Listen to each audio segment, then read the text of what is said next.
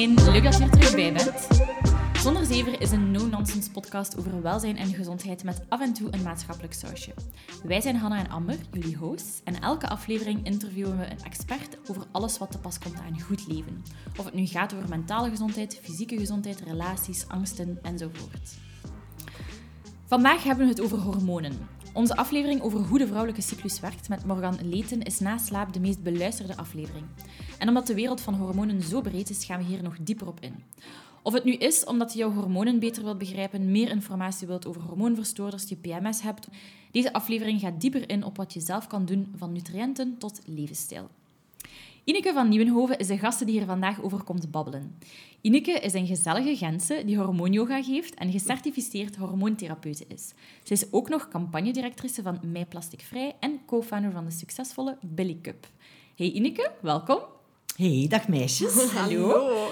Zeg, Ineke, ehm, ja, misschien eh, moeten we gewoon beginnen met onze vraag die we altijd stellen, Ja. Amber. Ehm, dus we vragen altijd wat dat de grootste zever is. Dat gaan we ook aan u stellen. Wat is de grootste zever dat je al hoort over hormonen? Goh, ik denk een van de meest gehoorde dingen die ik echt gewoon zo een bullshit vind, is van pak de pil en al uw hormonale problemen zijn opgelost. ik bedoel, Ja. echt waar, dan heb ik altijd zoiets van what the fuck. Van, ik ben op zich niet eh, tegen de pil aan zich in de zin als je kijkt naar vanuit historisch standpunt. Hè, daardoor hebben vrouwen Ja, ja, op de arbeidsmarkt kunnen gaan. er zitten we ook niet met acht kinderen aan ons rokken. Ik denk dat weinig vrouwen dat vandaag nog zouden willen. Ehm, maar de pil wordt bijna wordt al voor een groot deel niet meer gebruikt als anticonceptie, maar om hormonale klachten op Ja. te lossen. Hè, van, ah, heb je acne? Ah, maar zoetje, weet je wat, pak de pil. Eh, oei, uw cyclus is onregelmatig, pak de pil. Maar eigenlijk het enige dat daardoor gebeurt, is dat uw eigen hormonen worden lamgelegd. Die worden gewoon stilgelegd. En je hebt geen cyclus meer, je hebt geen eigen menstruatie meer. Het is gewoon allemaal chemisch geïnduceerd. En onderliggend probleem wordt niet aangepakt. Dus ja, oké, uw klachten gaan misschien stoppen omdat uw hormonen worden uitgeschakeld, maar dat is niet goed, hè? die zijn daar wel voor iets. En wat dat mensen ook vergeten, is dat de hormonen, dus als we het nog maar gewoon hebben over de cyclushormonen, progesteron en eh oestrogenen, die doen veel meer dan alleen maar de dingen voor uw cyclus of voor uw voortplanting. Hè? Om maar één ding te zeggen, Oestrogenen zorgen voor celaanmaak, maar progesteron zorgt dan ook weer voor de afbraak van slechte cellen. Zeer bel- ja, oestrogenen, kei belangrijk voor een goede collageenaanmaak. Ehm oestrogenen zijn kei belangrijk voor bijvoorbeeld eh, alles dat mucus is, dus de slijmlaag, hè, bijvoorbeeld rond uw blaas, om uw blaas te beschermen. Ehm, de progesteron is superbelangrijk ehm, voor uw slaap. Dat is een prehormoon om melatonine aan te maken. Ik bedoel, en ik zou er zo nog een heel eind kunnen doorgaan. Dus die twee hormonen doen veel meer dan enkel uw cyclus regelen. Dus als je die daar chemisch gaat gaan sturen ja. of platleggen, ja, dat helpt uw lichaam niet vooruit. Ja, uw kwaaltjes zijn weg, maar dat is... Maar eens dat gestopt zijn ze er terug.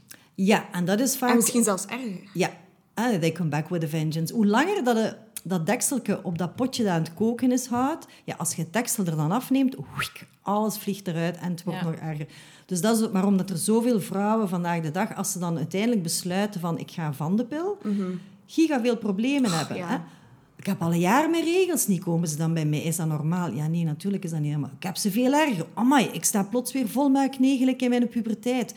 Dat is omdat uiteindelijk, hè, naar gelang hoe lang dat je de pil hebt genomen, heel lang je eigen hormonen hebt onderdrukt.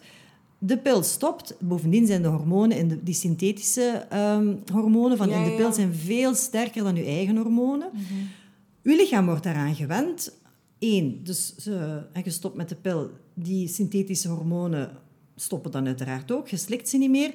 Uw eigen hormonen zijn veel zachter, maar uw lichaam heeft zoiets van... Hé, hey, gastjes, doe ik je voort? Wij zijn hier met dat zacht stroomje. Ik wil weer die rush van. En dus u- plus, uw eigen hormonen moeten weer op gang komen. En als die heel lang hebben stilgelegen, kan dat echt wel maanden en maanden duren voordat die een ritme terugvinden. En wat ik ook altijd zeg, hè, van, als het dan gaat over jonge meisjes die op heel jonge leeftijd aan de pil zijn gegaan, omwille van een onderliggend probleem en waarvan dat de cyclus nog niet de tijd had om zich op een natuurlijke manier te vormen. En met vormen bedoel ik zijn weg te zoeken. Hè. Dus je, als je een pubermeisje bent, uh, je oestrogenen, je progesteron, dat moet dan voor het eerst worden aangemaakt door je lichaam. Ja, je lichaam heeft ook zoiets van, ola, we hebben dat nog nooit gedaan. Dat is even zoeken en proberen. Mhm, mhm. Daarom dat ook, hè, als je nu in puberteit zit, de ene keer uit. Na drie weken je regels, dan na twee maanden. Allee, het gaat alle kanten uit. Dat je denkt, oh my god, is dit nu menstrueren? Nee, dat is gewoon je lijf dat nog aan het zoeken is. Ah ja, hoe mhm. zit dat met die... Oei, te veel oestrogeen, oei, te veel progesteron. En die zijn we aan het zoeken. En eigenlijk na een tijd tussen een aantal maanden en twee jaar zegt die lijf, yes, ik heb het gevonden. Alright. En dan hè, zitten ze op een soort karrenspoor van, mhm. en we zijn vertrokken. Maar als je al de pil begint te nemen voordat dat karrenspoor is gelegd, en dan stopte je met de pil, dan zegt, dan zegt je lijf, ja, maar ik weet ik niet, ik was ik nog bezig met dat te leren. Hè? Ik moet dat nu, ah ja, we gaan het dan maar weer opnieuw beginnen. Dus de pil, um, als je het neemt voor andere redenen dan anticonceptie, zou ik het zeker niet aanraden. En het nee, het lost absoluut niet uw hormonale problemen op. Echt voor mij de grootste zever. Alright.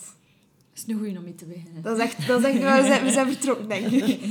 Ehm, oké, dus we zijn hier vandaag over, allez, om te babbelen over hormonen. We vinden alle twee een super interessant onderwerp. Morgan heeft het er al over gehad. Uh, maar we willen een beetje dieper duiken.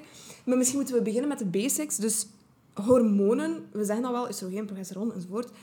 Wat is dat nu juist? Wat voor, wat voor iets is dat in uw lijf en wat doet dat en hoe werkt dat? Ja, dus ik, uh, aangezien dat ik ook... Uh, kijk, ik ga het anders zeggen. Er zijn heel veel vandaag... Ik ben kei blij. Vroeger, vijf jaar geleden, toen ik daarmee begon, had ik soms het gevoel dat ik zo de eenzame in de woestijn was die aan het schreeuwen was van hallo vrouwen, uw hormoon. er zijn heel veel jonge mensen daar nu ook mee aan de slag en er is heel veel uh, nieuwsgierigheid. De meeste gaan via de cyclushormonen, hè, dus de progesteron, oestrogenen.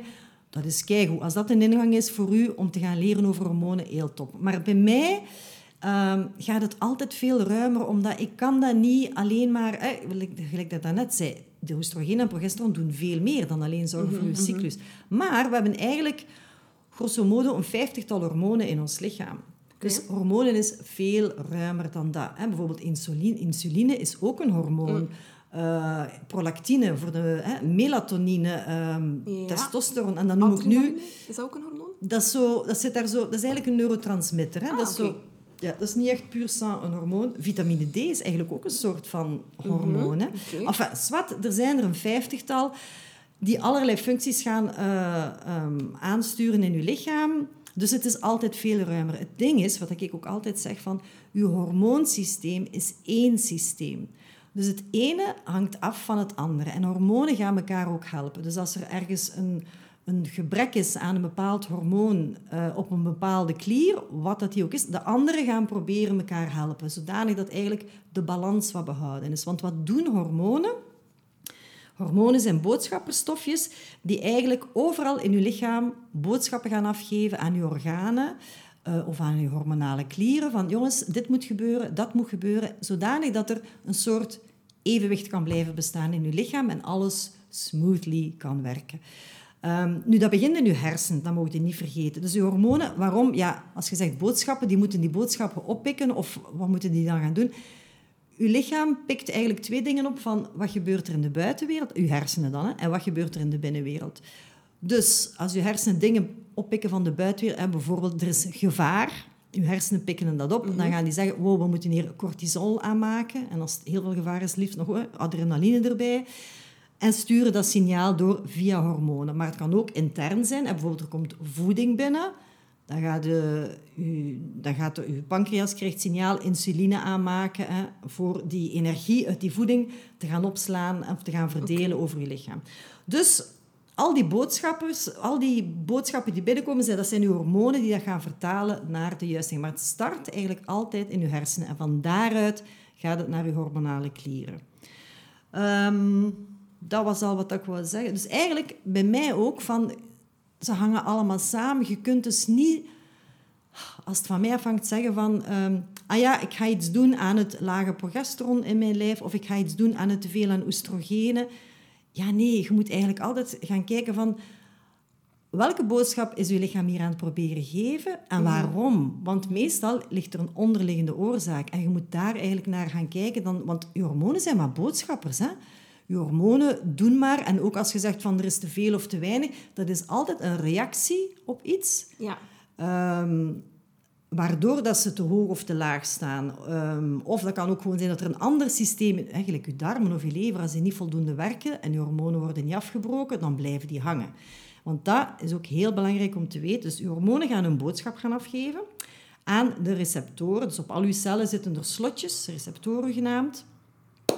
Je hormonen kunnen daarop klikken als ze de juiste receptor hebben gevonden. Bijvoorbeeld schildklierhormoon zoekt een schildklierreceptor, klikt, zegt oké, hier is mijn boodschap, alstublieft, hè, gelijk de postbode, voilà. Uh, en uh, de cel zegt, oké, okay, dankjewel, boodschap ontvangen, klaar. Mm -hmm. Dus je hormoon is dan klaar met zijn boodschap afgeven. Dus mag gewoon worden afgebroken. Functie is vervuld. Mm -hmm. Een groot deel van de afbraak van je hormonen wordt gedaan door de lever. Ja. Dus als je lever al niet goed functioneert, kan dat zijn dat er te veel van die hormonen blijven hangen in je bloedbaan, en dan kun je ook hormonale disbalansen krijgen. Want die, de, de, ja, hormoon wordt, levert zijn boodschap af en moet dan eigenlijk worden afgebroken. En dat is geen probleem, want je lichaam, van zodra dat er je hersenen weer een boodschap krijgen, ah, moet hier iets weer rondgestuurd worden, dan maken die wel gewoon weer nieuwe hormonen aan. Hè? Niks aan de hand. Maar ze moeten wel worden afgebroken. Dus eigenlijk is het zo...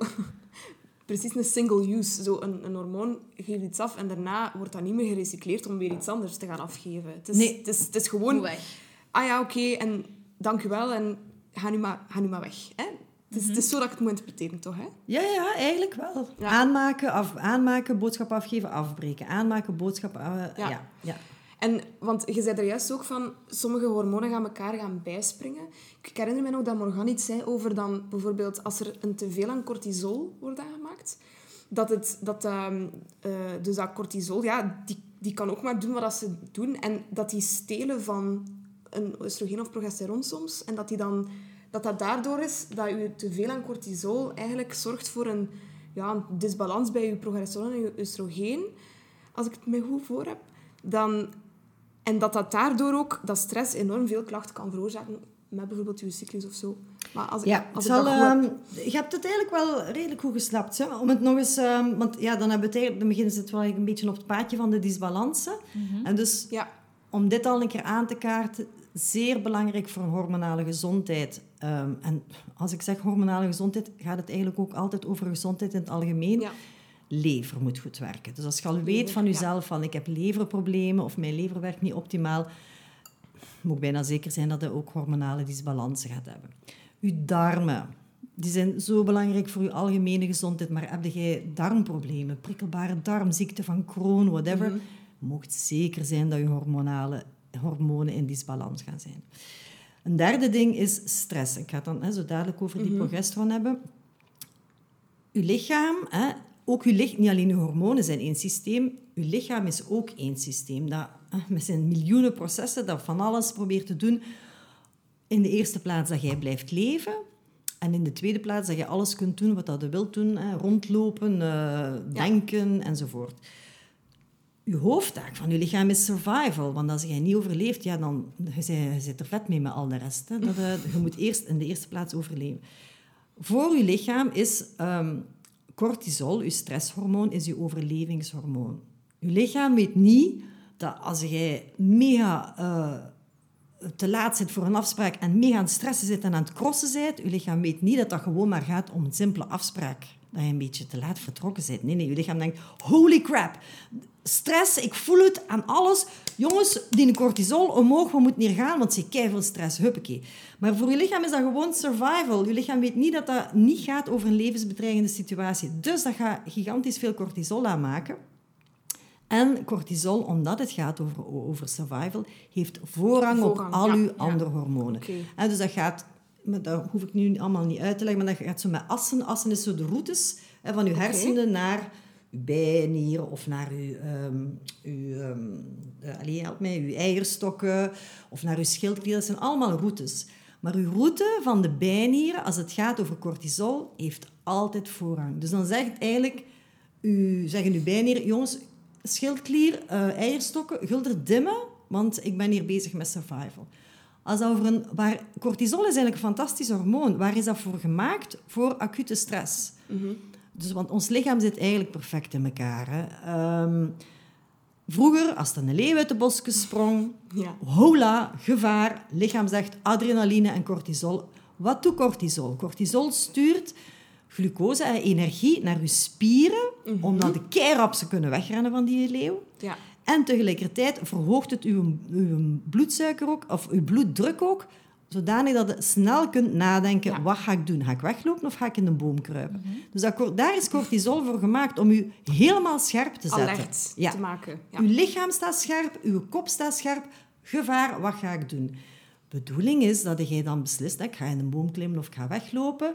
Leeuw is verdwenen uit het zicht, cortisol gaat naar beneden en we gaan door met ons leven.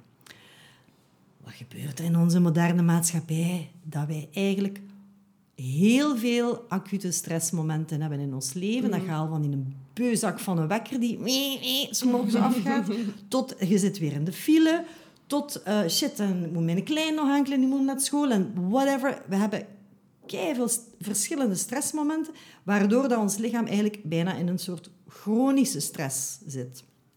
Bij de een al meer dan bij de andere. Waardoor dat je lichaam dus eigenlijk bijna continu cortisol aan het aanmaken is. Maar natuurlijk, als je in een levensgevaar zit en je, je, je bijnieren zeggen tegen je schildklier en je, je eierstokken, jongens, ik heb even voorrang, want ik ben bezig met overleving, er is niks aan de hand. Maar als natuurlijk, als je continu cortisol aanmaakt en je lichaam zegt dus continu, maar schildklier, eh, cyclus, jongens, jullie aan de kant, want ik ben bezig met survival. Ja, niet goed, hè? Die zitten daar te wachten van wanneer kunnen wij weer op de normale manier werken, want die cortisol is hier alsmaar aanwezig. Dus dat is punt één. Dus daarom dat ik ook altijd zeg van een van de grootste hormoonverstoorders is stress. Ja. Want als je in een continue stress zit, ehm, ja, dan ga je bijna gegarandeerd disbalansen krijgen, elders, op andere hormonale klieren. En als we het dan hadden over die progesteron, wat dat jij daarvan zei, veel hormonen worden opgebouwd uit ehm, bouwstenen. En voor cortisol is een van de prehormonen progesteron. Ah, oké. Dus cortisol heeft progesteron nodig om voor de aanmaak van cortisol. Dus wat gebeurt er als jij natuurlijk... Dus progesteron, ik heb het daarnet al gezegd, helemaal in het begin, kun je- heeft heel veel functies in het lichaam. Hè? Ook bijvoorbeeld melatonine aanmaak. Progesteron is ook een prehormoon voor je melatonine aanmaak. Je hebt progesteron nodig voor de goede werking van je schildklier. Dus, als jij in chronische stressmodus zit en je lichaam eh, moet alsmaar cortisol aanmaken, je bijnieren maken ook progesteron. Maar als jij die aan de deur zeggen, die jongens, wij komen hier niet meer toe aan onze progesteron. Komen, die, die progesteron die dient voor de cyclus voor ons jong, want wij zijn veel belangrijker, want bij ons gaat het over survival. Dus je lichaam rooft dan eigenlijk alle progesteron leeg voor de aanmaak van cortisol.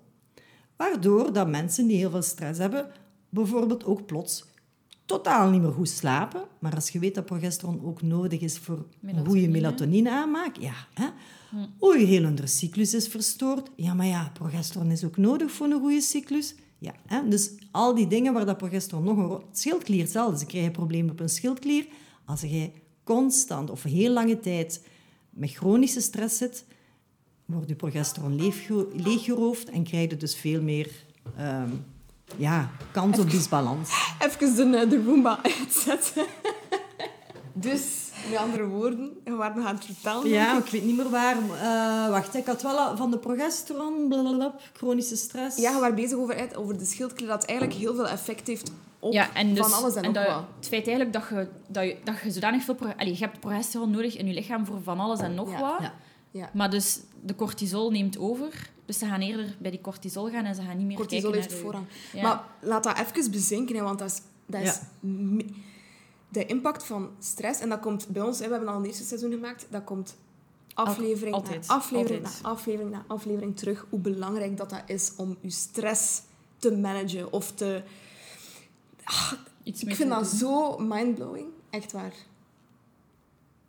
En, maar dan wil ik er ook nog, en dat zeg ik ook altijd in mijn workshops, stress is veel, veel groter en ruimer dan de stress Ja. waar dat we het Ja. over hebben. Dus natuurlijk alles waar dat wij aan denken van stress, van oh shit, ik moet verhuizen, oh, met mijn job kwijt, of ik heb een ambetante baas, whatever. Al die dingen, ja, dat is... Of bijvoorbeeld mantelzorg. Ik moet zorgen voor een zieke ouder of whatever. Ja, dat is allemaal echt ook stress. Dat, Ja. dat klopt. Maar voor je lichaam zijn er nog zoveel andere dingen ook stress. Hè? Bijvoorbeeld ongezonde voeding, eh, toxische stoffen, waar dat we het straks nog gaan over hebben. Ehm, ehm, wat nog allemaal? Eh, diëten is, is echt stress voor je lijf. Te veel, alles dat te is. Hè? Ja. Dus te Ja. weinig eten, te veel eten, te weinig sporten, te veel sporten. Eh, dat is, je lichaam krijgt daar stress van. En hoe kun je, een, we hebben het nu ook gehad een beetje kort al over een hormonale disbalans, hoe kun je dat herkennen, een hormonale disbalans? Ja, dat is, dan, dat is natuurlijk weer zo'n heel ruim begrip.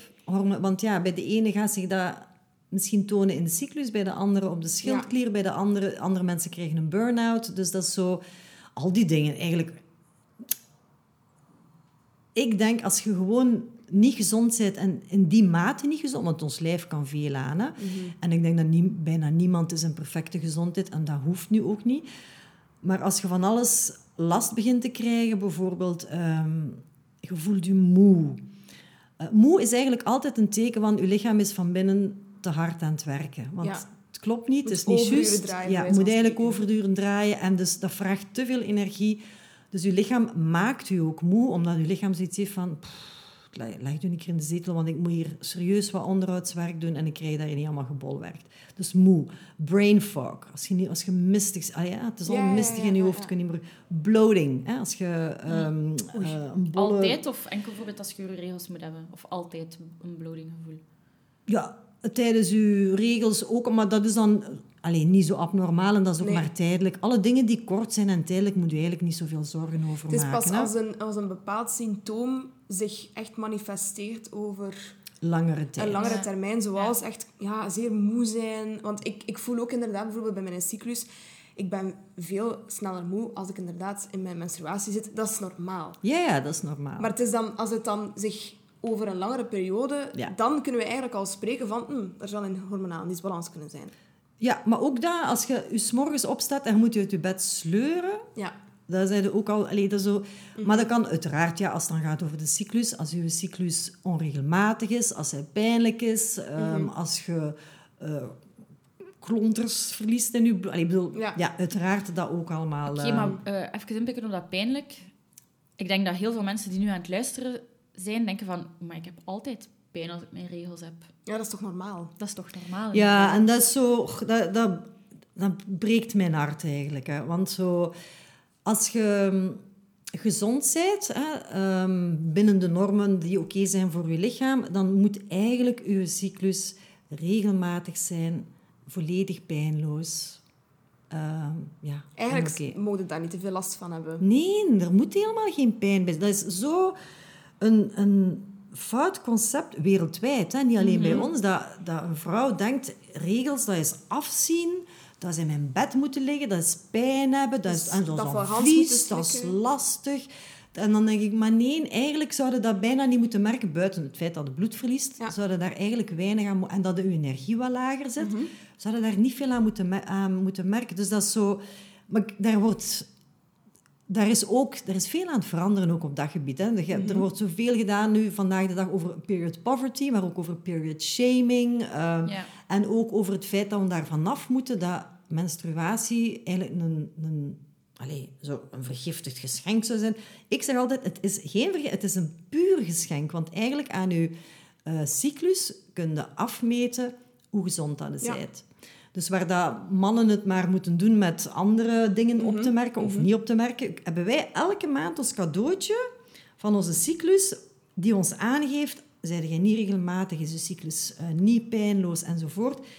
Hmm, dat wil gewoon zeggen dat er in je lichaam iets niet helemaal in orde is. Hier, uw rapport van uw gezondheid. En dat is nu Ja. ook niet dat je dan moet beginnen, hè, dat je nu huilend naar je bed moet rennen en je lakens over je kop zetten van oh man, dat is niet gezond. Nee, nee. Zo lief is ons lichaam dat het is eigenlijk een uitnodiging om eens te gaan kijken. Ik zeg altijd van, ik vind het Engelse woord zo schoon, disease, dus dis-ease. Je lichaam zegt gewoon, I am not at ease. Ik ben niet op mijn gemak. Hier zoetje. Ik toon het u in het rapportje. En ik dat een ouder ook gaat kijken naar het rapport van zijn kinderen. Van, en niet direct gaat zeggen van... Ik wil u nooit meer zien, maar misschien moeten we wat bijles wiskunde of misschien whatever. hè, of gaat toch uw best gedaan. Ah, wel, dat rapport van uw cyclus is eigenlijk net hetzelfde en is eigenlijk een uitnodiging om te gaan kijken van... Oké, hoe sta ik in het leven? Hoe zit dat met mijn stress? Slaap ik eigenlijk wel genoeg? Ben ik mijn eigen te veel aan het pushen? Wat eet ik eigenlijk? Wat steek ik allemaal in mijn mond? Uh, zou er veel toxische stoffen rond mij zijn in mijn Dus ga daar gewoon eens naar kijken en help Maar dus, als je de pil pakt, dan kun je daar niet naar kijken. Ah ja, nee, hè? Nee, hè? Want nee, je weet het niet, hè? Nee, dus dan weet je het eigenlijk helemaal niet. Nee, dan weet je het niet. Ja. Ja. Zot. Dus eigenlijk, want dat, dat, is ook wel een redelijke grote misconceptie, dat we misschien nog even moeten stress, allez, stressen of emphasizen.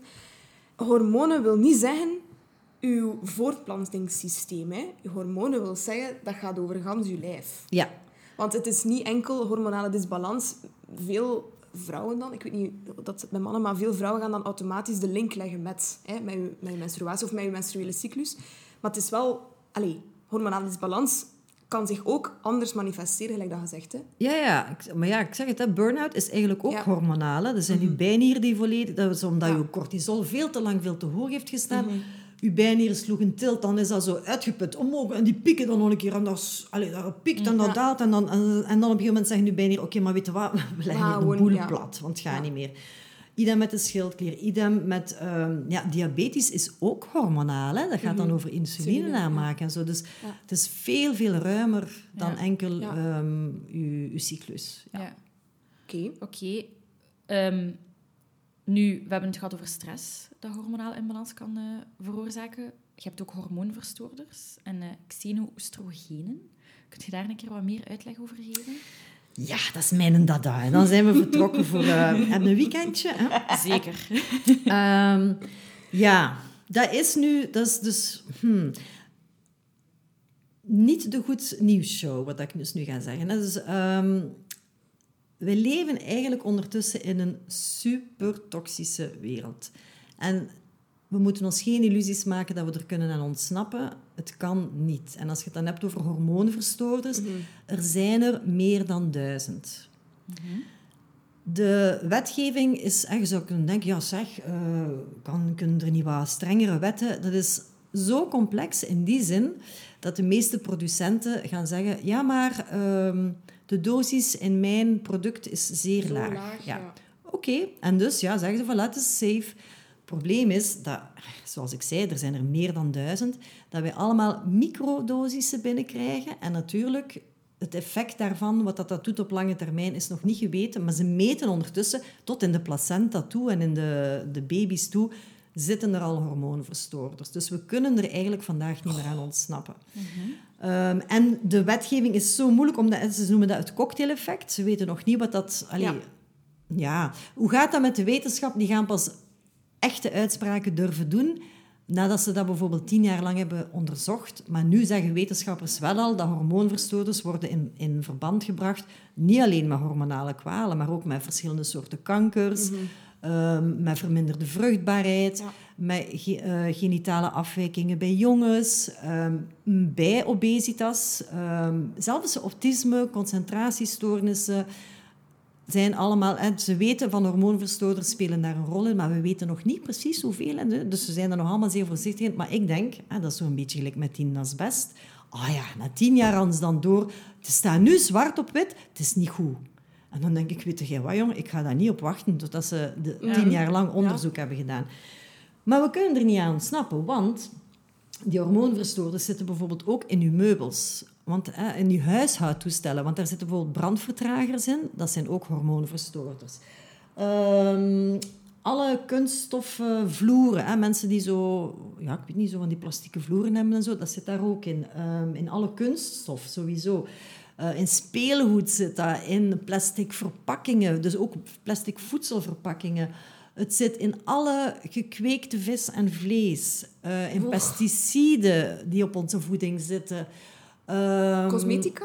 Verzorging?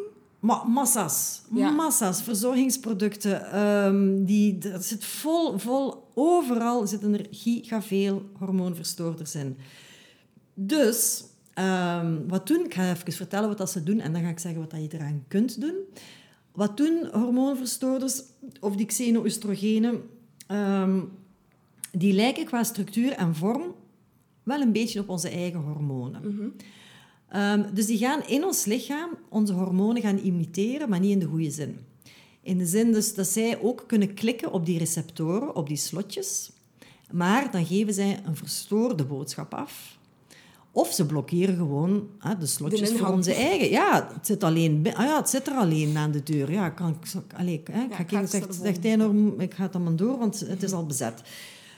Dus die, die verstoren en die blokkeren uw eigen, uw eigen hormoonwerking. Waardoor dat je, naast alle andere dingen, zoals die kankers, ook ja, een groter risico hebt op eh, hormonale disbalans. Maar ja, ze zitten dus overal. Dus, ja. dus dan zeg ik altijd van... ehm, goh, weet eigenlijk als je zo kijkt naar de wereld, dan denk ik, man, dit is gewoon waanzin. Wat voor een toxische wereld hebben wij gewoon gemaakt? Hoe kun je dat voor jezelf verhelpen? Ja, probeer zoveel mogelijk er dingen te mijden. Je kunt ze toch niet allemaal, maar bijvoorbeeld hè, bij mij, mijn grote dada is van, wat stikt in uw mond? Ja. Ja. En ik ben ook, ik ben alleenstaande moeder, ik koop ook niet alles bio, ehm, maar op zijn minst, ik eet vers. Ik probeer geen processed foods te eten. Ehm, zelf, bij ons, goh, het komt dan af en toe ik in een zak chips ben, maar jongens, het is, bij- het is bijna een feest van, wow, we hebben een keer chips. Dat is zo, allee, of die, die frisdrank, al die brol die er eigenlijk wordt verkocht, bij ons komt dat zo heel af en toe nog eens binnen, maar wij eten gewoon vers eten. En nee, dat is niet altijd bio, maar dat is tenminste al beter dan die processed Het is al foods. meer whole foods, ja. Ja, voilà. Gewoon echt eten. Echt eten. Ja. En dan, u, ehm, bij mij is echt mijn ding van op mijn huid. Ja. ehm, als ik het niet wil opeten, smeer ik het niet op mijn huid. Ik ken dat die je nu zegt. Letterlijk. Ja, maar wat dat mensen vergeten is dat eh, ons, de, onze huid is ons grootste orgaan. Dat is wat ik tegen u zei. Ah ja, maar, ja, maar dat is ook zo. Plus, wat dat je ook moet weten, als je iets in je mond steekt, gaat dat door een heleboel processen. Dus je spijsvertering is een gigantisch systeem en daar zitten... In uw mond zitten er al verteringssappen. Hè? Dan nog een keer in uw maag. Dan u, komen er nog eens verteringssappen van uw pancreas erop, enzovoort. Dus dat is een heel systeem dat, dat voedsel gaat bewerken, of die stoffen die binnenkomen gaan bewerken, voordat dat dan volledig in uw bloedbaan wordt gelost hè, via uw darmen. Op uw huid komt dat veel sneller in uw bloedbaan terecht. Dus dat is eigenlijk nog erger. Plus, wat dat wij ook vergeten, er wordt de laatste jaren meer en meer gezegd over de darmen, microbioom. En Ja. dat komt zo, Ja. is keigoed. Eindelijk komt dat wat meer in de media, van hoe belangrijk dat uw darmen zijn Ja. voor uw algemene gezondheid. Ons huid is ook een microbioom. Dat heeft ook een heel systeem. Hè, mensen denken, ah ja, een beschermlaagje, maar dat is veel meer. Daar zitten ook miljoenen bacteriën op, die ook hè, leven van, weet ik veel, eh, schilfers en dingen, maar wat dat er in aanraking komt met huid, maar die deel uitmaken, net als uw microbioom. Dat zijn goede bacteriën, hè, die zorgen voor de gezondheid. En uw huid is eigenlijk ja, uw eerste, ehm, eh, dat noemen ze dat, een barrière hè, tussen de buiten- en de binnenwereld. Ehm, maar je moet dat gezond houden. En hoe meer dat je eigenlijk... Hetzelfde, hè? Ik, zeg ook tegen de mensen allemaal, was u een keer minder? Was u met water? Ja, maar echt, hè? Was u met wat reinigt de huid? De wrijving. En het zijn niet al die zeepjes, hè? Dus ik, denk, ik zeg altijd... Yo, washandjes. Weet het nog uit de oude tijd? Haalt een washandje in huis. En wast u met... En wat dus, ik doe dat dus ook. Pak dat Ja. ik één, max twee keer in de week een douche pak. En voor de rest weer oldschool aan de wastafel. Nou, was Antje. Ja. Met een washandje. En het enige dat ik dan in de week was met zeep zijn mijn oksels, mijn voeten en zo. Ah, mijn gat zo een beetje. Weet wel, zo'n beetje. Dat En je voor de rest, Mm. zo... Nee, aan mijn gezicht komt er Zelf? Niet? water. Gewoon Ja, water, water. ja. Ja. ja, ja, Maar dus ik bedoel, de Mhm. zeep gebruik je dan enkel zo oksels, Ja. voeten en eventueel nog een beetje zo hè, onderaan. Maar al de rest is gewoon met water. Omdat ik denk, mijn huid trekt zijn plan wel. En Mhm. dat is ook zo. Je huid reinigt zichzelf, onderhoudt zichzelf. Maar elke keer dat we daar met zeep, hè, zeker van die gewoon agressieve zeep of douchegels, ge- dat beschermlaag gaat eraf. En wat zeggen de mensen dan? Ik ga mij zeer een hydraterend crème gaan halen. En dan denk En je, ja, weer. dude, heb het er juist allemaal af. Natuurlijk moet je dan... En dan die hydraterende crème, ja, dat je huid blijft verder uitdrogen. Ah, Ik ga nog maar smeren. Maar allee, het is gewoon waanzin. Je huid houdt zichzelf in stand. Dus bij En smeert je dan niet zo om je te hydrateren bijvoorbeeld? Want je gaat in de zon en dan kan dat wel dat je huid zo wat... Zo wat eh, Olie, ik gebruik alleen maar olie. En ik Ja. wissel af. ehm, ik, eh, in de winter ga ik zo wat dikkere olies Mhm, gebruiken. zo. Dan zo eh, kokosolie of zo. En de zomer soms ook. Omdat dat kokosolie een klein beetje de, de zon afblokt. Maar een heel klein beetje. Dat is geen echte, Mhm. geen, niet gelijk een zonnecrème. Ehm, maar soms heb ik zo sesamolie of een keer Ja. arganolie. Maar ik heb Ja. een vrij droge huid van mezelf. Ehm, dus ik doe er alleen maar olie op. Ja, en voor de rest niets, Ja. niets, niets. En echt, mensen komen binnen in mijn badkamer. Nee, ik zal het omgekeerd zeggen. ik kom meestal binnen in de Ja. mensen hun badkamer en ik denk... Wat is dat? Wat staat er hier allemaal? Maar pottekes, mooie jongens toch? En, en Maar dat is parfums en dit. Maar dat is allemaal toxische bron. Kijk, ik zeg ook altijd... Ga een keer naar die etiketten. Lees de etiket. Versta er niets van? Ah, wel ja, hoe zou dat komen? Weg ermee. Ja, ik krijg dat er bijvoorbeeld ook van, van eh, dat je dan zo op tv bijvoorbeeld zo van die, van die reclames ziet, zo, ja, en je rimpels zijn dan binnen een paar dagen opgevuld. En dan denk ik van, maar wat moet je dan al in... Ten eerste, werkt het echt? Bon, dan laat ik even in het midden. Stel dat het werkt, wat voor een bron moet er daar allemaal in zitten? Weet dat voordat je... vaak gebruikt wordt in fillers en anti-aging? Microplastics. Eh! Dus je vult je rimpels op met microplastics. Omdat dat zo... Dat is super goedkoop, al die microplastics. Dus dat wordt, zit over heel veel verzorgingsproducten gestoken.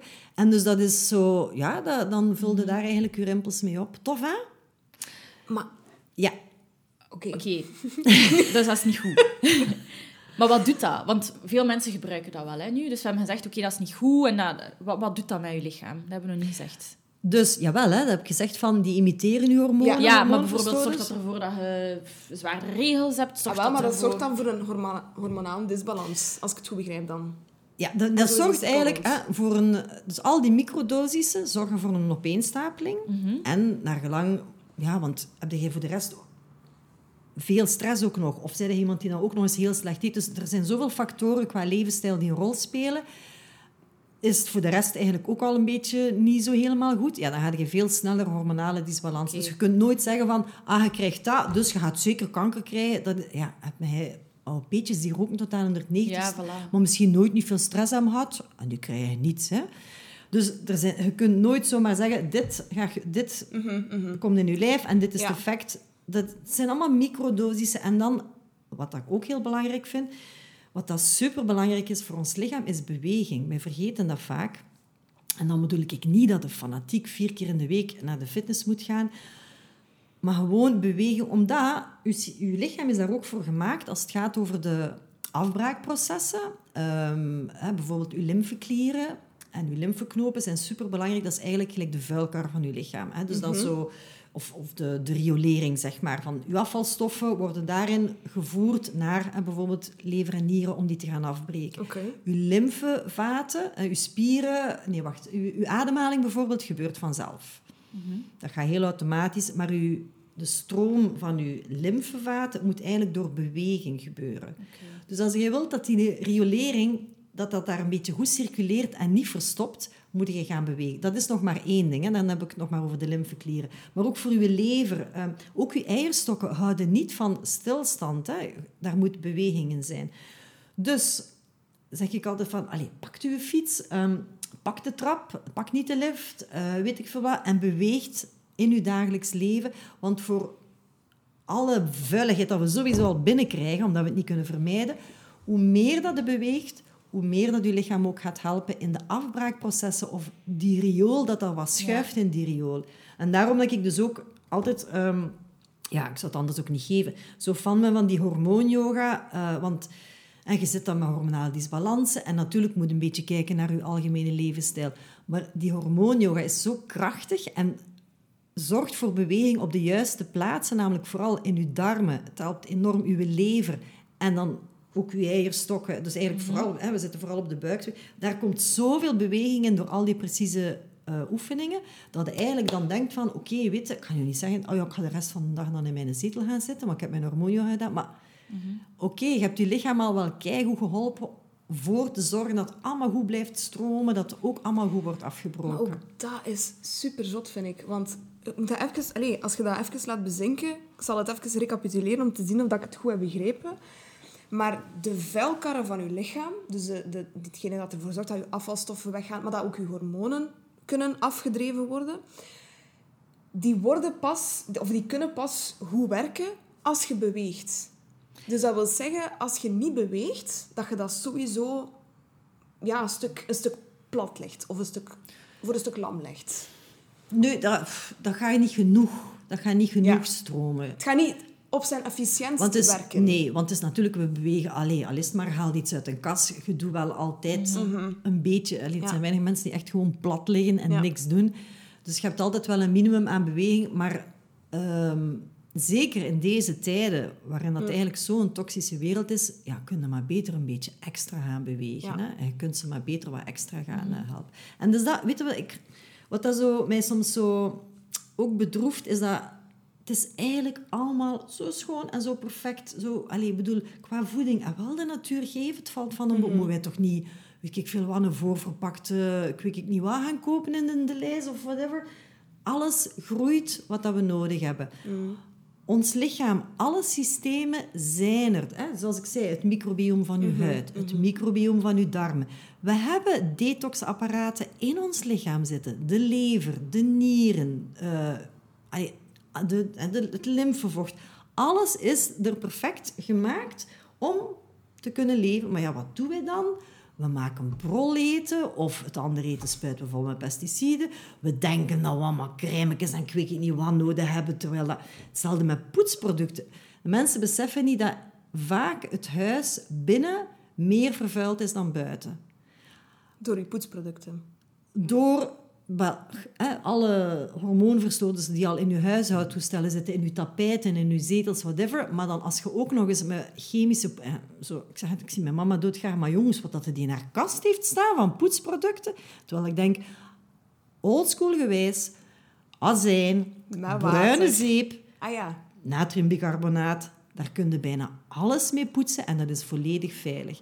Dus ik zeg ook altijd tegen de mensen, verluchten, verluchten, verluchten. Ja. Please, verlucht uw, uw huis regelmatig. Als je aan het poetsen bent met al die chemische brol, eigenlijk liever zou ik zeggen, gebruik het op en haal het dan nooit meer in huis. Maar zolang dat, hè, dat het nog mee bezig zit, verlucht tijdens het poetsen en ook na het poetsen. Als je verft in je huis, please, verlucht. Zelf als je een nieuw meubel in huis haalt, verluchten je kamer en er een paar dagen niet in slapen in die kamer, kamer verluchten. Omdat dan zo de dingen nog van de... Dat is nieuw en de dingen van de verf en de lijm en whatever, allemaal hormoonverstoorders. Dus eigenlijk, wat heeft de natuur voorzien? Hout. Massief hout. Maak daar een schoon bankje van of een tafeltje. Maar daar is hier niks eh, toxisch aan, hoor. De natuur heeft dat voorzien. Ah, wel, schapenvelken of maakt wol. Daar is op zich hè, niks toxisch aan. Maar ja, onze kleren, dat is ook ondertussen bijna allemaal synthetisch, heel veel eh, dingen. Of als je, dan als je geen bio-katoen draagt, maar gewoon katoen. Ah, Het zit ook vol met eh, residuen van pesticiden. Enfin, het is gewoon ene giftige boel. Dus ja, dat is nu... Dus dat helpt ook allemaal niet. Terwijl het allemaal er is. Dus ik, ik ben altijd ook voorstander van... Ga terug naar een natuurlijk leven in de mate dat je kunt. Ja. Eet echt eten. Gebruik zo- ja. natuurlijke producten voor je huis te poetsen, voor op je huid te smeren. Ehm, band zoveel mogelijk die plastic verpakkingen en al die andere dingen in de mate dat je kunt. Band- en beweeg. Ah, en nog een derde. Ik vond eigenlijk wel vrees schoon. Iemand heeft mij dat ooit... Ik heb eh, een opleiding... Ik heb ook ehm, voor mijn hormoontherapeut dus medische basiskennis gevolgd. En in de twee mo- modules zei de leraar... Wat heb je nodig voor een goede gezondheid? En dat is mij altijd bijgebleven. Hij zei... Voeding, goede voeding, beweging en doen wat dat je graag doet. Ja. Oké. Ik vond dat, dat was echt een eye-opener voor mij. Omdat hij ook zoiets zei van... Als jij, mocht jij nog zo gezond eten en nog zo goed Ja. bewegen... Maar als jij bezig bent met dingen in het leven waar dat je absoluut niet blij van wordt... ga je niet gezond zijn. Dat gaat ook disbalansen creëren in je lichaam. Daarom misschien niet per se hormonaal, maar... Hè, ja, dus dan dacht ik, dat, die gast eigenlijk groot gelijk. Je moet ook zorgen... Want als jij... Ja, je lichaam kan veel aan, hè, door als een detoxsysteem en whatever. En dus dat doet dat als jij super happy in het leven staat, maar misschien hè, is je voeding niet helemaal top, dat lichaam gaat dan wel weer meedraaien op die, die positieve energie ook. Hè? Ja, het, het lijkt er een beetje op alsof dat... We hebben inderdaad alles in huis. En de natuur geeft ons alles in huis. Heeft alles in huis om alles goed te doen werken. Want anders zouden we... Ja, de wereld zit inderdaad zo perfect in elkaar. Maar door er allemaal dingen te gaan opsmijten... ja, verlammen we eigenlijk ons lichaam een beetje en onze omgeving een beetje, waardoor dat ons lichaam eigenlijk niet super optimaal kan functioneren. Dat is eigenlijk een beetje de, de takeaway ervan. En hè? de planeet. Het is allemaal, maar voor ja. mij is het allemaal hetzelfde. Hè? Van zo, eh, we zijn ons eigen ecosysteem aan het vergiftigen, maar dat hangt voor een stuk samen, omdat we het groot ecosysteem, zeg maar, het, het macrobioom van de planeet aan het vergiftigen zijn. We krijgen toch allemaal terug op ons taloors. Hè? Dus Ja. ik denk zo, allee, dat is, ik ben nu een beetje aan het spreken vanuit mijn, mijn petje van Ja, mij ja, ja. plasticvrij Ja. campagneleider. Maar ik zeg ook altijd, jongens, als je het niet wilt doen voor de planeet, doe het dan voor je eigen gezondheid. Want elke keer dat, de, dat iemand stopt met chemische dingen te gebruiken, dat is niet alleen goed voor jezelf, maar dat gaat ook goed zijn voor je kinderen, je kleinkinderen en uiteindelijk ook voor de planeet. We moeten echt, als het aan mij ligt, binnen dit en tien jaar moet er een mega ommezwaai komen. Eh, wat ik wel merk dat bij de jongere generatie, hè, van, ze slikken de pil niet meer of ze zeggen van ehm, ik ga een cup gebruiken Ja. in plaats van dat wegwerpmaandverband enzovoort. Dus er is een ommezwaai bezig. Ja. En ik snap dat mijn dochter zegt ook tegen mij, ja maar mama, eh, ik moet, dat moet hier nog lang mee, hè, heel die boel hier. Dus ik, ik heb er alle baat bij om zo weinig mogelijk te gaan vervuilen. Hè. Ja. Ja. Ik zou graag nog willen inpikken op die hormoonyoga. Kunt je een keer uitleggen, eerst en vooral, hoe zijn je daarop gekomen? Want ik denk dat je eerst een andere eh yoga-opleiding gedaan hebt. Ehm, en ook, wat is dat? Want ik vertelde dat aan iemand en eh, die zei van, ah ja, oké, interessant, maar ik vind het lijkt zo niet goed. Ik ben wel wat sceptisch. Ehm, dat mag, hè. iedereen mag sceptisch zijn. Oké, ik ben eigenlijk ehm, Kundalini-yoga-lerares van opleiding. En ik dacht echt, amai, dat is mijn yoga, ik heb hem gevonden. Ik vind hem nog altijd fantastisch, hoor. Ehm, en dan, ja, hoe kom je daarbij? Dat is vaak een persoonlijk verhaal. Hè? Ik zat ook met een hormonaal disbalansje. Ik had nog chance, het was niet veel. Ik had eigenlijk een polypje op mijn baarmoederhals. Ik wist dat niet. Ik had gewoon ook op een gegeven moment bloedingen. Maar echt, echt niet normaal. hè. Dat was, ik mocht insteken wat ik wilde, maar een uur later moest ik... Het was, en, Amai. en er kwamen halve biefstukken mee, bij manier van spreken. Oei, oei, oei. Het was echt niet normaal. Dus ik dacht van... eh, de eerste keer dacht ik gewoon... Ah ja, dat is misschien iets tijdelijk. Maar toen wist ik ook nog niks van hormonen. Dus we spreken van 2015, 16. Ehm, Je zou zelf nog kunnen Amai. zeggen, ah, het is misschien mijn menopauze. Of mijn perimenopauze. Als dat zo vrij... Ja, nee, daar stond ik eigenlijk nog zelf Ah ja, niet bij stil. Ehm, maar ja, dan zo de tweede maand of zo, dan dacht ik, maar deze is toch wel niet meer normaal. Dus en naar de gynaecoloog, ah ja, je hebt een polypje, dit en dat. En dan, maar dan echt, ik viel van mijn stoel. Dus die zegt zo, ik zeg dus, ah ja, en hoe krijg je dat? Ah ja, dat weten we zo niet zo goed. En ik zo, ja, maar en ehm, hoe kan ik, wat kan ik dan doen? Want op zich is dat niks. Hè. Een polypje kunnen ze gewoon met zo'n soort tangetjes halen dat eruit, klaar. Ehm, en ja, en wat kan ik dan doen om dat niet meer te hebben? Ja, dat weet mij eigenlijk ook niet. En ik dacht, nou breek me klomp. Dan zit hier bij een mens die zeven jaar gestudeerd heeft en die mij over zoiets onnozels van een polypje nog niks kan zeggen. Enfin, wat? Een vriendin van mij die toen zei... ehm, Ah ja, polypje, blabla. We begonnen te babbelen over hormonen en cyclus en toestand. Ze zei, je moet een boek lezen. Dat was die van eh, Alisa Vitti, ehm, Woman Code. Ik heb die toen gelezen, gelijk dat jullie nu zo'n beetje hebben. De schellen vielen van mijn ogen van, wat? Zo, waarom vertelde ons niet? Dat is wat ik constant hoor in mijn workshops. Hè. Waarom vertelt er Waarom ons niemand dat niet? Ja, Dat waarom weten zot, wij dat hè? niet? Ja. Blijkbaar omdat de sommige gynaecologen het ook niet weten. Want als je al vraagt, zeg mijn polypje, als, hè, zwart. Ehm, dus de schellen vielen van mijn ogen. En toen dacht ik, toen, om mee, ik herinner, ik kende het ding al van hormoonyoga. Ik, kende dat, ik had daar tien jaar geleden over gelezen. En plots, door die een boek te lezen, dacht ik... Hé, hey, maar wacht een keer, er was toch zoiets als hormoonyoga? En ik ben dat gaan opzoeken. En the universe was working with me. Oh, zalig. Ik keek wanneer is de volgende teacher training. En dat was zo twee weken later of zo in Frankrijk. Ehm, dus ik heb me ingeschreven. Het was ook volzet. Ja, sorry, hè, twee weken voordien. Maar echt, de maandag begon die cursus. De zondag kreeg ik een mail. Zeg, er is een treinstaking, er is een cursiste die niet kan komen. Kun jij hier nog geraken morgenochtend? En ik zei, eh, het is nu zondag drie uur. Morgenochtend gaat niet meer lukken, maar ik fix mijn agenda en ik ben daar morgen eh, van zodra dat kan. En dan ja, ben ik begonnen hormoonyoga geven. En gelijk dat je zegt van ja... ja dat, nee, ik ben dan beginnen, begonnen met hormoonyoga. En onmiddellijk, vanaf dat ik ben, het ben beginnen geven, ben ik ook die opleiding gaan volgen tot hormooncoach. Ehm, dat was niet mijn bedoeling, want ik ga mij hier nu eh settelen als hormoontherapeut. Maar dat was echt als verdieping voor de hormoonyoga. En Ja. als chance, ik ben zo blij dat ik dat gedaan heb, want... ik voel ook dat als vrouwen bij mij komen en ze zeggen van ik heb Graves of ik heb Hashimoto of ik heb een burn-out of ik heb dit of ik heb al een jaar niet mijn cyclus. Ik kan heel snel meteen Ja. zeggen van ah ja, en neem je dan dit van medicatie momenteel of hoe zit het daarmee of wat heb je...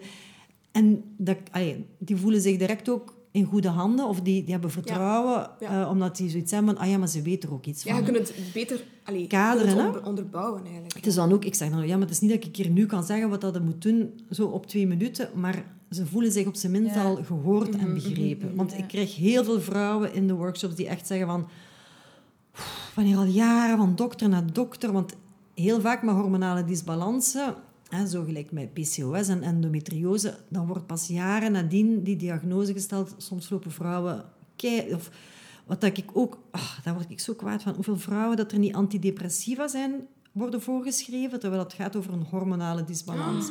Really? En dat is een beetje gelijk, ehm, dat is een beetje gelijk met de pil van, allee, hier pak dat en het is dan, maar, maar allee, er wordt niet gezocht naar de root cause in, in westerse geneeskunde. En ik ga, dat zit niet in de opleiding om eigenlijk te gaan zoeken naar de, de, de oorspronkelijke oorzaak van uw kwalen. En ja, we zitten ook in een cultuur dat mensen heel snel een oplossing willen. Allee, geef mij rap een pilletje, dat ik er vanaf ben. Dus ja, dokters zijn ook wel een beetje meegegaan. Hè. Ik kan me voorstellen dat een dokter misschien 40 jaar geleden nog zei... Allee, kruipt een keer goed in je bedden hé? en drinkt wat kippenbouillon als iemand ziek was en gaat er wel doorkomen. En dat nu in de huidige cultuur mensen gewoon vragen ook om een heel snelle oplossing. Hè. Ja.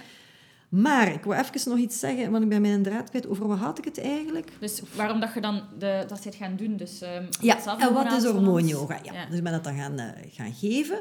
Wat is hormoonyoga zelf? Dus het is een Braziliaanse vrouw die ehm, in mei 94 is geworden. Het levende voorbeeld is dat hormoonyoga u lang vitaal houdt. Zij doet elke dag haar set. Zij heeft eigenlijk uit alle bestaande yogavormen gaan kijken van welke zijn de oefeningen die specifiek op hormonale klieren werken.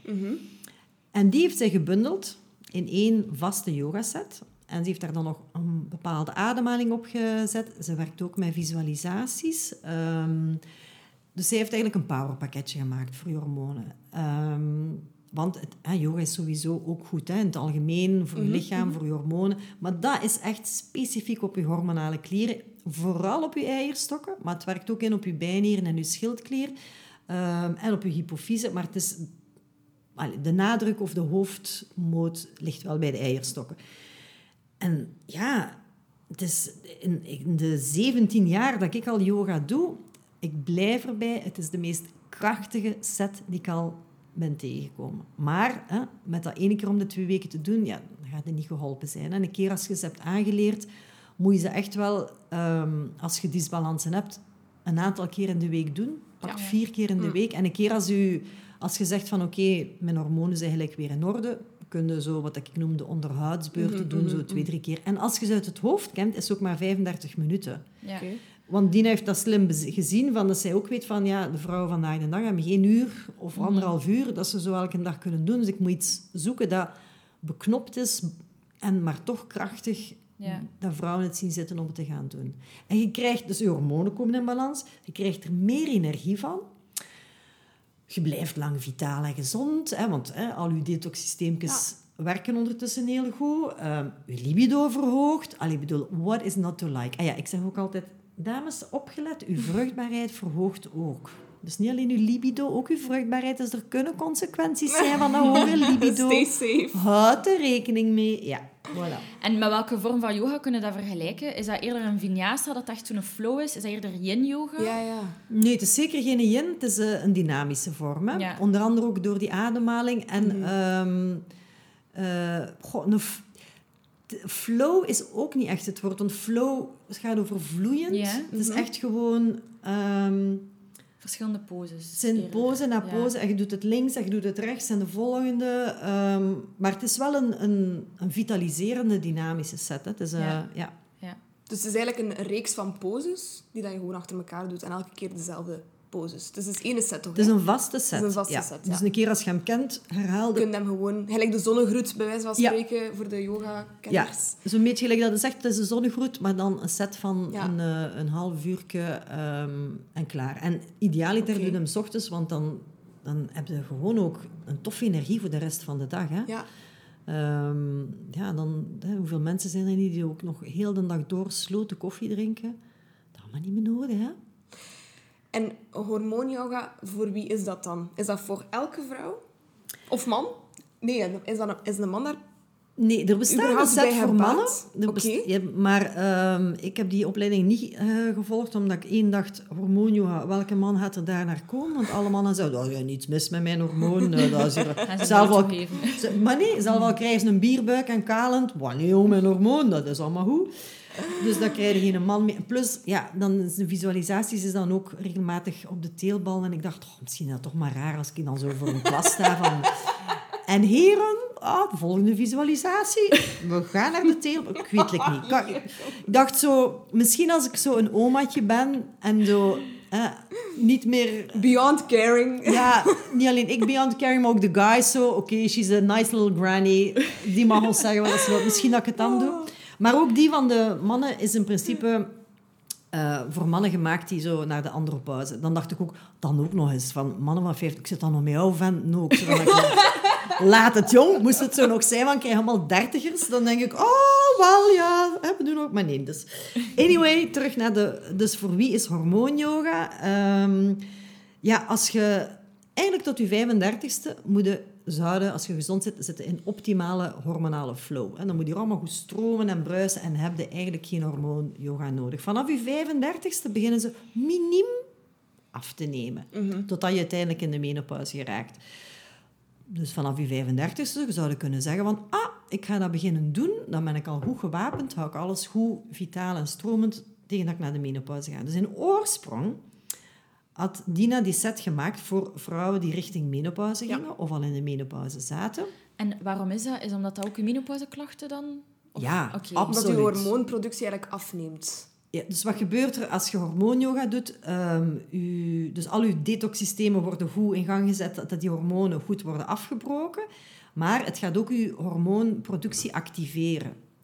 Eh, niet zo, het is niet zo dat je plots, omdat je ehm hormoonyoga doet, eh, met, te veel, met te veel oestrogenen gaat zitten. Want ook uw afbraaksystemen Ja, ja, worden dat. gang gezet. Hè? Het Dus- wordt sneller vernieuwd of zo. maar uw precies. hormoon, de, er is wel gemeten bij menopausale vrouwen. Dus Dina Rodriguez heeft een onderzoek gedaan bij de, met de Universiteit van Sao Paulo, waarbij dat dus vrouwen begonnen met hormoonyoga en de bloed, bloed werd getrokken. En na zes maanden hebben ze nog eens het bloed getrokken.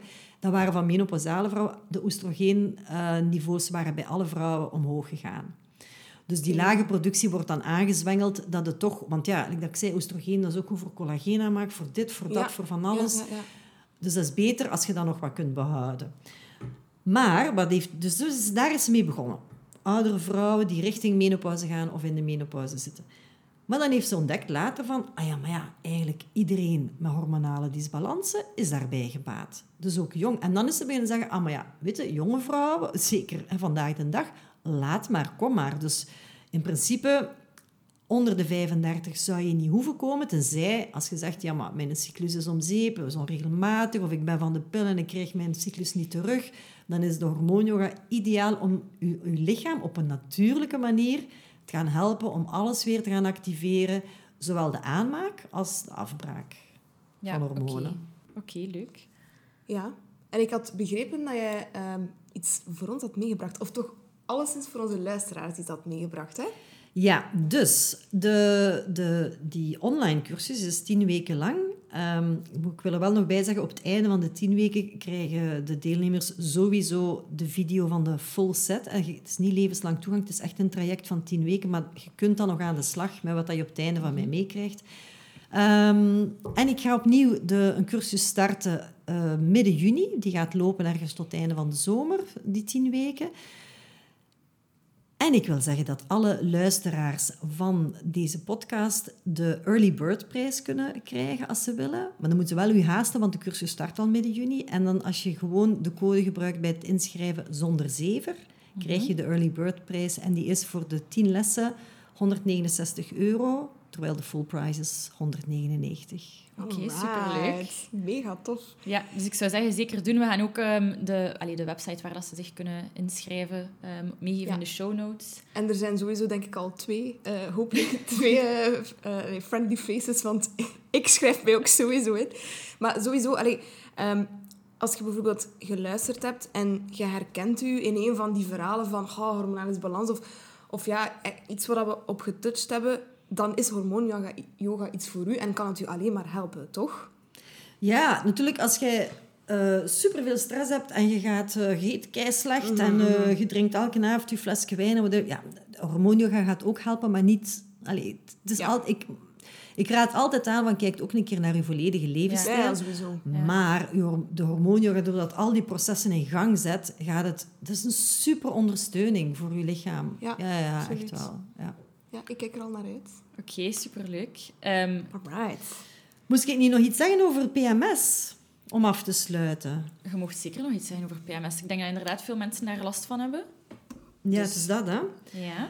Ehm, we hebben het al gehad over dat rapport. En natuurlijk, hè, PMS is eigenlijk ook een soort mini-rapport van... Het is niet helemaal in orde met de hormoon of met je lichaam. Want kijk, je hebt van alles aan de hand. Maar ondertussen zitten er met mee. Hè. Dat is natuurlijk totaal niet eh, plezant. Nu, als je het gewoon hormonaal gaat uitleggen... ehm, waarom dat er vrouwen, of heel wat vrouwen, toch last van hebben... is dat op het einde van je cyclus... Morgan heeft ook gezegd... Hè, dalen eigenlijk je hormonen. Hè. Je oestrogenen staan lager... Uw progesteron staat lager. Natuurlijk progesteron, en niet dat van in de pil, maar uw natuurlijk progesteron, is eigenlijk een, ehm, eh, ja, een, smooth operator die gewoon zorgt voor zo stabiliteit, Ja. hè, regelmaat in uw, in uw eh, cyclus ook, maar ook stabiliteit, eh, rustige moed. Dus dat is eigenlijk zo een, een super tof hormoontje. Natuurlijk, als dat naar beneden gaat, ja, en dan kan dat dus ook zijn dat je je niet meer zo tof voelt en zo. Hè, van die een toffe... En ook als je het dan hebt over oestrogenen, hè, of minder goed slaapt of whatever, omdat die progesteron gezakt is. Als je het hebt over oestrogenen, die staan voor uw juice, uw vitaliteit, uw veel energie. Natuurlijk, als die gaan zakken, ja, je voelt je wat futlozer, dit en dat. En uw oestrogenen zijn ook gelinkt aan uw serotonine. Dus als uw oestrogenen zakken, gaat ook uw serotonine in uw lichaam zakken. Oké. Maar serotonine is een van die gelukstofjes, Ja. hè, gelijk dopamine enzovoort. Dus natuurlijk, als je minder gelukstofjes in je lijf hebt, dan, dan voel je zo wat mij. Maar ook, je serotonine, als dat laag staat, gaan je hersenen een signaal geven van... Hey, er moet hier zo serotonine worden aangemaakt. En onder andere de combinatie van zoet, zout en vet zorgt dat er serotonine wordt aangemaakt. Dus wat doet iedereen als je zo je PMS hebt? Waar is die zak chips? Waar is die chocola? Waar is dat? Ja. Maar chocola, als het 80% is, raad ik wel aan. Dus ik zeg dan ook van... Magnesium in. Ja, voilà. Dus ik zeg dan ook van, ja, je wilt dan misschien in een zak chips, maar weet je wat? Zorg dat je wat bananen in huis hebt. Ehm, of maak desnoods, weet ik veel wat, iets met bananen, muffins of zo. Maar ah, lief, ik ben altijd nog meer fan van gewoon het eten op zich. ja. Ja, het product op zich. Eet wat donkere chocolade. Of, desnoods, suppleer wat met magnesium. Mhm. Omdat magnesium, hè, dat is antistress, dat is kalmerend. Dat ontspant niet alleen je spieren, maar ook je kop. Epsombaden, als je dat Epsomzout kunt kopen, dan heb je een bad thuis. En dat is echt super... Ik val in slaap. Ik, echt Ik heb nog nooit minuten van gehoord. lig ik te snorken in het bad. ja, dat is... Ehm, dus magnesium... Maar dus, wat dat Morgan ook zei, van... Houd, als, als je je de chilltijd geeft, al een beetje ervoor, en laat, naar de laatste week, Ja. ga je ook al merken van... Je lichaam kan wat ademhalen, dat gaat ook al een beetje helpen. Dus dat kan, je kunt jezelf een beetje helpen. En je bloedsuiker, hè? ook weer. Ook daar. Als je je bloedsuiker wat stabiel kunt houden, gaat dat Ja. ook helpen met PMS-symptomen. Mhm. Wat dat veel mensen ook in onze westerse wereld fout doen, is bijvoorbeeld al zoet uw dag beginnen. Mhm.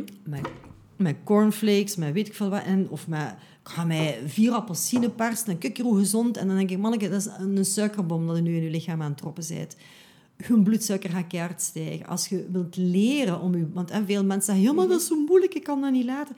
Als je wilt leren om je bloedsuiker een beetje beter onder controle te krijgen, zeg ik, je eerste maaltijd van de dag, zorg dat daar heel veel proteïne en vet in zit. Ik heb liever dat u, voor mijn part, een biefstuk bakt, maar, of een omelet, of weet ik veel wat, ehm, met een avocado bij. Dat is veel gezonder. Je gaat meer verzadigd zijn. Je bloedsuiker gaat minder snel stijgen. Ehm, dan al die zoete brol. Wij beginnen eigenlijk onze dag met dessert. Terwijl, nee, voor een bloedsuiker begint met een hartig ontbijt. En bijvoorbeeld van die smoothies, want wat ik veel doe, is ehm acai. Ik weet niet of je dat kent, dat is zo'n besje. En dan doe ik daar eh, een banaan in en ehm, wat besjes en ook een halve avocado. Ja, dan heb je al... Door... Maar weet je wat ik Maar is dat ook zo zoet? Want dat heeft wel fructose. Ja. Maar Dat is al beter dan gewoon puur zoet. Ehm, ik, eh, wat dat ik meestal, wat ik ook altijd doe, of het nu smoothies zijn, maar ik eet smoothies, dat is voor mij een snack. Dan ga ik dat tussendoor een keer maken. Ik ga dat niet eten als ontbijt. Ehm, is, ik doe daar olijfolie bij. Omdat vetten, die gaan... Maar je hebt al een halve avocado, dus op zich is dat al goed. Maar als ik bijvoorbeeld een keer een, een zomer fruitslaken maak... Mijn kinderen zijn al gewend, hè. Daar gaan zo, huppakee, met Echt? olijfolie. Ja, ja, ja. Of in mijn yoghurt met fruit, olijfolie erover. En dan zo wel wat muntblaadjes voor wat te versieren. Dan zeggen wij altijd zo... Het is weer een Instagram-dessertje. Ehm, maar altijd olijfolie, omdat door vet te gaan combineren met je suikers, gaat je bloedsuiker minder snel stijgen. Ja. Ah, En dat is echt een gewoonte. In het begin denk je misschien, oh, daar stel ik nu wat olijfolie op, maar een Maar gewoonte het is gelijk een ander. smaak, ja, kan ik me dat, kan dat Dus wel zien eigenlijk dat dat wel nog goed is. Of alleen, je kunt daar misschien wat kokosolie bij smelten als je dat liever hebt van smaak. Maar ik doe altijd vetten bij mijn suikers. Suikers. Ah, dat is een goede Ah, tip. oké. Ja. Ja. Oké. Want er zijn denk ik veel vrouwen die nu zoiets gaan hebben van... Huh? Vetten? Bij eten? Bij suiker? Hè? Ja, omdat je meestal olie gebruikt om mee te bakken. Ja, ook. Maar, Maar zo van vetten, dat olies- heeft ook dan zo... Oh nee, vet. dat- we- associëren dat met vet. Mensen mogen komen kijken bij mij hoe... eh, jullie zien mij, ik ben geen dikke, hè. Hoeveel vet dat ik... Maar natuurlijk gezonde vetten, Ja, hè. ja, ja. Dus ik gebruik... Ik, ik smeer het al op mijn huid om te beginnen, maar ik, ah, ik kook met echte boter of eh, olijfolie, of heel af en toe een keer kokosolie. Maar zo... Maar ik eet ook wel weinig brol, hè. Dus eigenlijk, het zijn suikers die u doen verdikken. Het zijn niet de vetten. Als het gezonde vetten zijn, dat doet u niet verdikken. En u, nogmaals, in onze tijden waarin dat er zoveel stress is, uw bijnieren hebben vet nodig om Oké. hun hormonen aan te maken. Dus ook uw cortisol, hè, aangemaakt in de bijnieren, die hebben vet nodig. Dus als jij bijvoorbeeld, dat zeg ik ook altijd, alle vrouwen die bij mij komen die een burn-out hebben of in mega stresssituaties zitten, ik doe dat zelf ook, extra vet, hè jong? Dat kan allemaal geen kwaad. Beter gezonde vetten. U, zeker, ik zeg Mhm. het, alle mensen met stress... ehm, eet, zorg maar voor voldoende gezonde vetten. Maar Dat is- dan- dat gaat je bijnieren ondersteunen. Allee, met vet bedoelde pure, allee, pure ingrediënten, vetten, niet in een zak chips. Nee, dat zijn ook geen goede vetten. Hè? Nee, zijn hè, transvetten. voilà. Ja, dat zijn Ja. transvetten. Dus Ja, ik bedoel Ja. echt zo de, de noten, de avocado's, ja, ja, ja, ja. zaden, daar zitten ook vetten in. En dan de oliën, maar ook Ja. niet de zonnebloemolie en zo. Dus de, de kokosolie, de olijfolie. Sesam. ehm, waarschijnlijk. sesamolie kan ook nog Dat wel, maar zo... lekker. Ja. We gaan sowieso in zo suikers en vetten gaan we eh, dieper duiken in de aflevering met ehm huisdokter Servaas Benji. Ja. Oké, Ook al. voilà. Ook Dus, al. eh, ja. Ja, en, en voor de rest gaan we denk ik ook wel wat resources delen hier rond dit thema. We hebben hier de Period Repair Manual. Ehm, ik weet dat jij dat, dat boek ook vaak Ja. aanraadt. Ehm, we hebben hem allebei ook gekocht, dus we gaan hem zeker ook eh, in de show notes zetten. Eh, sowieso ook een goede start voor mensen die ermee aan de slag willen, denk ik dan. ja, we hebben eh, zeer veel informatie gedeeld. Ik vond het waanzinnig interessant. ja, Echt het waar. was heel interessant. Ja, en dus ik zeg het, hè, het is zo... Ik, ik, allee, ik ga niet... Jawel, ik ga voor een stukje wel in detail, maar niet van dit is allemaal wat ik kunt doen. Omdat ik ook altijd zeg, ja, maar ik moet eigenlijk een persoonlijk gesprek aangaan Mhm, met een tuurlijk. vrouw om te weten van... Mhm. Hoe slaapt jij? Wat is je stress? Wat eet je? Dat, dat, dat. Om zomaar algemeen advies. Ik ben daar altijd heel voorzichtig mee. Maar Mm. het begint bij bewustwording, erover Voilà. leren. Ja, Ja. zeker. En dan is je motivatie om ermee aan de slag te gaan vaak ook veel groter. Omdat je weet van, ah, maar ik kan er zelf Mhm. zoveel aan doen. Ja, inderdaad. En de main message is ook denk ik gewoon van, kijk, als je je voelt dat er iets niet echt in orde is, panikeer niet, je kunt er iets aan doen. Ja. Mhm. Ja. Ehm, Maar eh, trust your gut feeling ook. Want Ja. en alle, alle vrouwen die ik al ben tegengekomen de voorbije jaren zeiden... Maar jongen, de dokter zegt, en uw bloedwaarden zijn volledig, ze zijn helemaal gezond. En dat is zoiets van, maar waarom voel ik mij dan niet beter? Dus ik zeg ook altijd Mhm. tegen een vrouw van... Als uw buikgevoel zegt, er is iets mis met u... Er is dan iets mis. Dan, dan is er iets in uw lijf dat niet Mhm. juist is. Dus Mhm. gaat daar ook zeker op af. Hè. Ja, Ja. Ja. oké. Goed, dan denk ik eh, dat we hier gaan afsluiten. Vergeet zeker niet allemaal dat je dus met de code zonder zever eh, korting krijgt op Ineke haar hormoon-yoga-sessies. Ja, en die code spel je trouwens volledig aan elkaar in hoofdletters en is geldig vanaf 9 juni tot en met 18 juni, want de cursus start dan meteen de dag erna. Voor wie nog meer wil horen over hormonen, hebben we ook bonusmateriaal over de menopauzekwaaltjes en hoe het komt dat je daar, hoe jong je ook bent, al invloed op hebt. Voilà, we zien je daar. Hè. Ehm, maar we gaan dat ook allemaal nog eens in de show notes zetten en nog eens delen op sociale media. Dikke merci Ineke dat je tot hier bent gekomen. Oh, graag En gedaan. Ik, doe- ik doe niet liever, jong. I'm, on, I'm a woman on a mission. Hè. Ik, ik stop niet voor Dat dat, hebben we graag. voor dat alle Ja. vrouwen weten hoe dat zit en wat dat ze allemaal eraan kunnen doen. Ja. Dat hebben we graag. Oké, merci iedereen om eh, te luisteren en eh, tot snel. Hè. Tot snel. bye bye. Ciao. Bye bye.